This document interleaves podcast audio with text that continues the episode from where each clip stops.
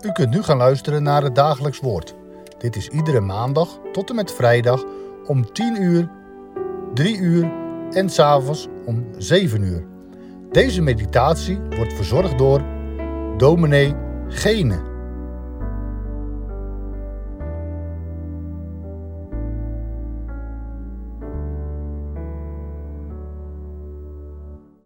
Luisteraar voor het, naar het dagelijks woord.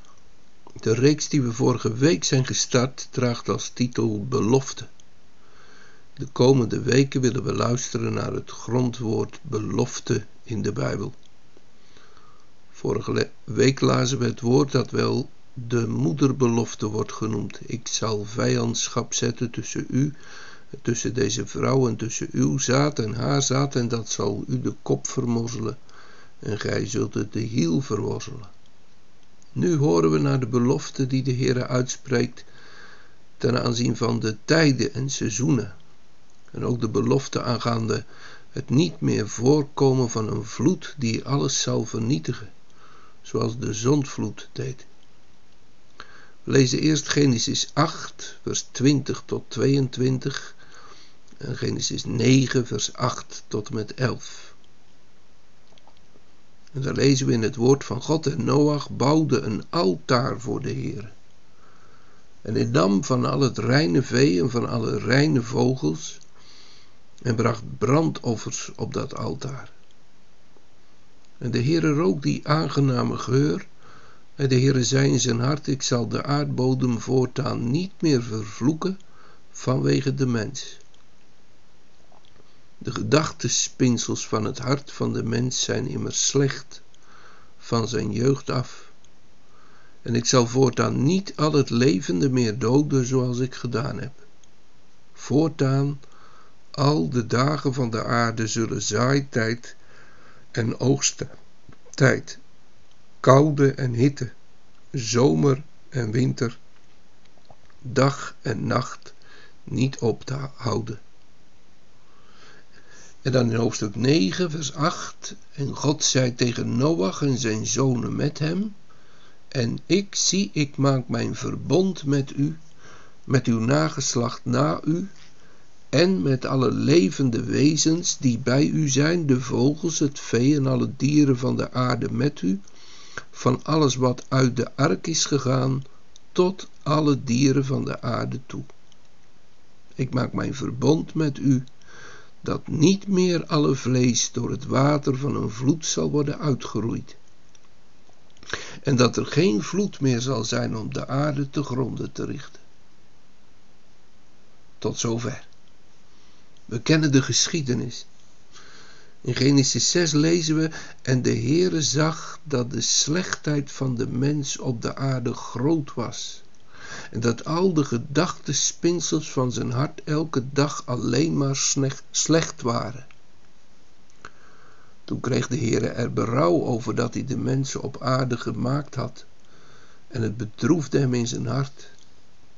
En de Heere zei, ik zal de mens die ik geschapen heb van de aardbodem verdelgen, van de mens tot het vee, tot de kruipende dieren, tot de vogels in de lucht toe, want ik heb er berouw over dat ik hen gemaakt heb. Het wonder van Gods genade wordt daar ook bekend gemaakt. Want we lezen ook, maar Noach vond genade in de ogen van de Heer. De zondvloed komt, maar Noach en de zijnen werden gespaard. En zo lezen we dan dit gedeelte. Noach bouwde een altaar voor de Heer. In het hart van Noach leeft het geloof dat de Heer hem gespaard heeft. En daar geeft hij uiting aan door een offer te brengen. Noach brengt geen offer om God gunstig te stemmen, zoals de heidenvolken dat later gaan doen, maar om zijn dankbaarheid aan de Heer te tonen. En dan is er voor Noach en zijn nageslacht, voor de mensen voor alle levende mensen deze belofte: ik zal voortaan niet al het levende meer doden, zoals ik gedaan heb. Met andere woorden, er komt nooit meer een allesomvattende wereldramp waarbij alle levende wezens zullen sterven. In vers 21 staat heel nadrukkelijk dat de Heer dit in zijn hart zei. En in hoofdstuk 9 vanaf vers 8 wordt dit tot Noach en zijn zonen gezet, gezegd. Nu moeten we goed opmerken dat het hier over een bijzonder verbond gaat. Elders lezen we in de Bijbel over het genadeverbond, waarvan we ook zingen, bijvoorbeeld met Psalm 105. Dat verbond heeft God gesloten met Abraham en zijn nageslacht. Een eeuwig verbond wordt het genoemd in Ezekiel. En de Heer heeft dat verbond ook vernieuwd. Ik zal het in uw hart schrijven. En het vervult in de Heer Jezus Christus. Hier is sprake van een verbond met Noach en zijn nageslacht en ook met de, de dieren. De Heere zegt, ik zal de aardbodem niet meer vervloeken vanwege de mens. Dat is niet omdat de mens, nu geleerd door de zondvloed, voortaan voor God zal leven. Nee, de gedachtespinsels van het hart van de mens zijn slecht van de jeugd af ook van Noach en zijn vrouw en zijn zonen en hun vrouwen en hun nageslacht. Het is dus genade van God dat de wereld er is. Ze is niet vanwege de daden van de mens nog altijd de plaats waar mensen mogen zijn, maar vanwege zijn genade. Overigens blijft de vloek van Genesis 3 maar er komt geen nieuw gericht, zoals de zondvloed. Ik zal voortaan niet al het levende meer doden, zoals ik gedaan heb, spreekt de Heer. En dat spreekt de Heer dan ook uit tegenover Noach. En noemt het dan een verbond. Ook wel het Noachitisch verbond genoemd. Dit verbond sluit God met Noach en de mensheid zonder voorwaarden die door de mens moeten worden vervuld. Daar zou immers nooit iets van terechtkomen. En mensen zijn kinderen van Adam, maar ook kinderen van Noach. En uit de verdere geschiedenis van Noach en zijn nakomelingen blijkt wel dat van ons mensen niets goeds te verwachten is.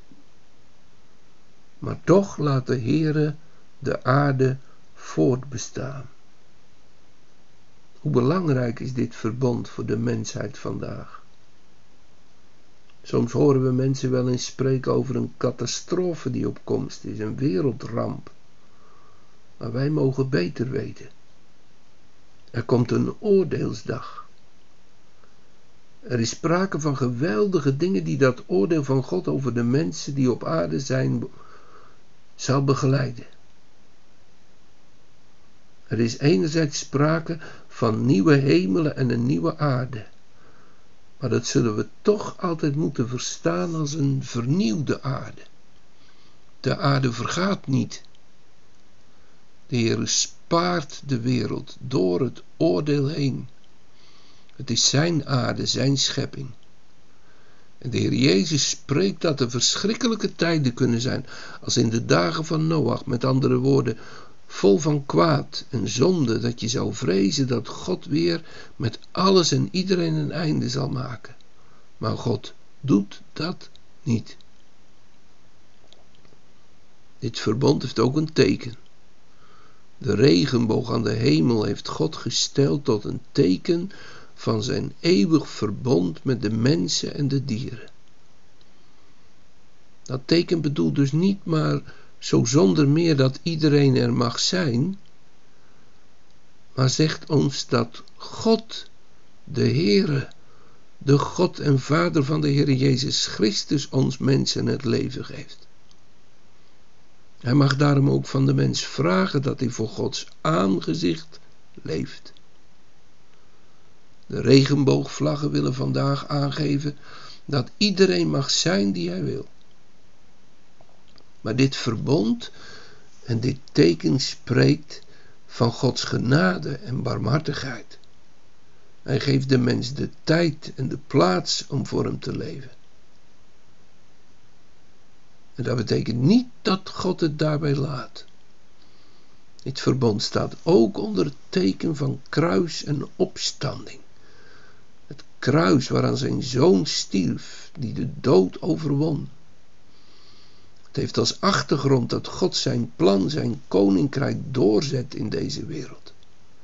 Daarom is er leven op aarde. Opdat de mens God zou leren vrezen en dienen. Opdat wij gelovende in zijn naam het leven zouden hebben. En zo is Noach de prediker der gerechtigheid geworden. De boog aan de hemel spreekt van de ark van het behoud, Christus Jezus. Dat alles belooft God. Dat is zijn belofte. Voor een ieder, bewust of onbewust, vervult hij die voortdurend. Het leven is een genadige beschikking van die God die de wereld heeft geschapen en het menselijk geslacht in Noach heeft gered van de verlorenheid. En dan mogen we dat zeggen. Dat betekent dat alle mensen ertoe doen. Wie we ook zijn. We zijn schepselen van God. En wat mensen ook denken, vinden en doen. Hoe ze zich ook gedragen en hoe ze ook leven, ze zijn niet uit het oog van God. Ze leven voor het aangezicht van God. En daar klinkt de stem van de Heer: Kom tot mij, ik ben uw schepper. Er is geen God, geen redder, geen verlosser naast mij. En daarom betekent dat voor ons dat het evangelie niet een boodschap is om verborgen te houden. Dat betekent dat ieder het mag horen. Gods hart is vol van liefde voor de wereld. Daarom zond hij zijn zoon opdat mensen in hem zouden geloven en behouden worden. De genade dat we mogen leven ligt onder de belofte van God dat Hij ons het eeuwige leven wil geven. Dan mag het werkelijk een verwachtingsvol leven zijn. Door het geloof in Christus mogen we hier op aarde uitzien naar de dag van het oordeel. Dan maakt God een einde aan alle kwaad, zonde en dood. Niet door maar te vernietigen, maar door te vernieuwen. Daarom zegt de schrift dat de ganse schepping zucht als in barensnood. En ook wij zelf, zegt de apostel. Wij zuchten in onszelf naar die dag. Ziet u er naar uit? De dag dat Christus komt. Laten we bidden. Here, dat is ons gebed. Wij samen verbonden door het middel van de techniek uw aangezicht zoeken. Dat uw dag komt. Uw dag waarop u alles zult rechtzetten. Door het oordeel. Dat u het kwade zult wegdoen. Dat u de goddelozen die aan u voorbij leven zult straffen. Dat u, Heere, een einde zult maken aan alle onderdrukking. Dat u een einde zult maken aan oorlog en geweld. Dat u een einde zult maken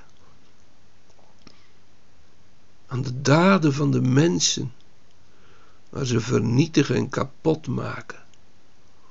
O God, dan kan het ons vrees doen zijn voor die dag. Zal ik kunnen bestaan? Maar u zegt, schuil achter het bloed van mijn zoon en u zult behouden worden.